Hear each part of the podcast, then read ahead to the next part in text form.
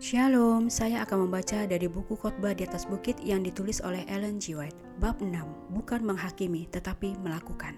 Dalam pembahasan di buku Matius 7 ayat 1, Janganlah kamu menghakimi supaya kamu tidak dihakimi.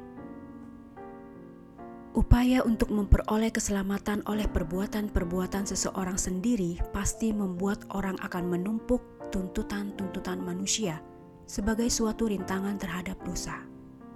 Karena dengan mengetahui bahwa mereka gagal memelihara hukum, mereka akan merencanakan peraturan mereka sendiri untuk memaksa diri mereka menurutinya.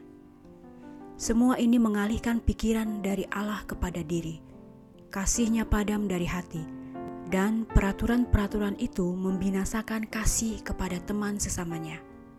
Suatu sistem penemuan manusia dengan tuntutan-tuntutannya yang banyak akan menuntun para pendukungnya menghakimi semua yang kurang dari standar yang ditentukan manusia. Suasana kritik yang mementingkan diri dan sempit mencekik emosi yang mulia dan murah hati, dan menyebabkan manusia menjadi hakim-hakim yang memikirkan diri sendiri dan pengintai-pengintai yang picik. Dari golongan inilah orang-orang Farisi. Mereka muncul dengan upacara-upacara agama mereka tanpa merendahkan hati dengan merasakan kelemahan mereka sendiri, tidak bersyukur atas kesempatan-kesempatan besar yang telah diberikan Allah kepada mereka. Mereka tampil penuh dengan kesombongan rohani, dan tema mereka adalah diriku, perasaanku, pengetahuanku, jalan-jalanku. Hasil karya mereka menjadi standar yang olehnya mereka menghakimi orang-orang lain. Mengenakan jubah gengsi diri, mereka menduduki kursi pengadilan untuk mengkritik dan menghukum.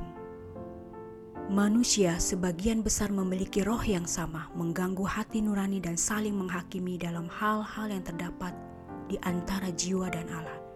Sehubungan dengan jiwa dan kebiasaan inilah sehingga Yesus berkata, "Janganlah kamu menghakimi supaya kamu tidak dihakimi, yaitu jangan membuat dirimu sebagai suatu standar Jangan buat pendapatmu, pandanganmu tentang kewajiban, tafsiranmu tentang kitab suci, ukuran untuk orang-orang lain dan dalam hatimu menyalahkan mereka jika mereka tidak memenuhi idamanmu.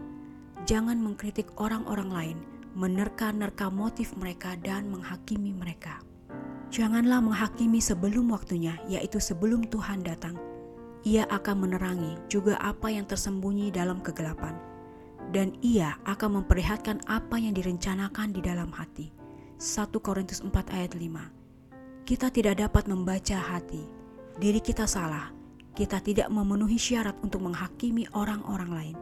Manusia yang terbatas hanya dapat menghakimi penampilan luar saja.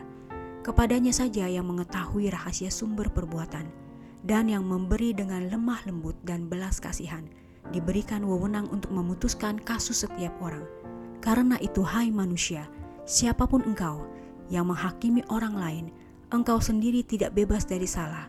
Sebab dalam menghakimi orang lain, engkau menghakimi dirimu sendiri. Karena engkau yang menghakimi orang lain melakukan hal-hal yang sama. Roma 2 ayat 1. Jadi, orang-orang yang menghakimi atau mengkritik orang lain menyatakan diri mereka bersalah karena mereka melakukan hal yang sama dalam menghakimi orang-orang lain, mereka menjatuhkan hukuman ke atas diri mereka, dan Allah menyatakan bahwa hukuman ini adil. Ia menerima putusan mereka sendiri terhadap diri mereka. Kaki-kaki kaku ini yang masih di dalam lumpur pergi meremukkan bunga-bunga tanpa akhir, tanpa tangan-tangan keras. Bermaksud baik ini kita sodorkan di antara hati sanubari seorang sahabat. Demikianlah bacaan buku khotbah di atas bukit bab 6 bukan menghakimi tetapi melakukan dalam pembahasan di buku Matius 7 ayat 1. Janganlah kamu menghakimi supaya kamu tidak dihakimi. Tuhan memberkati.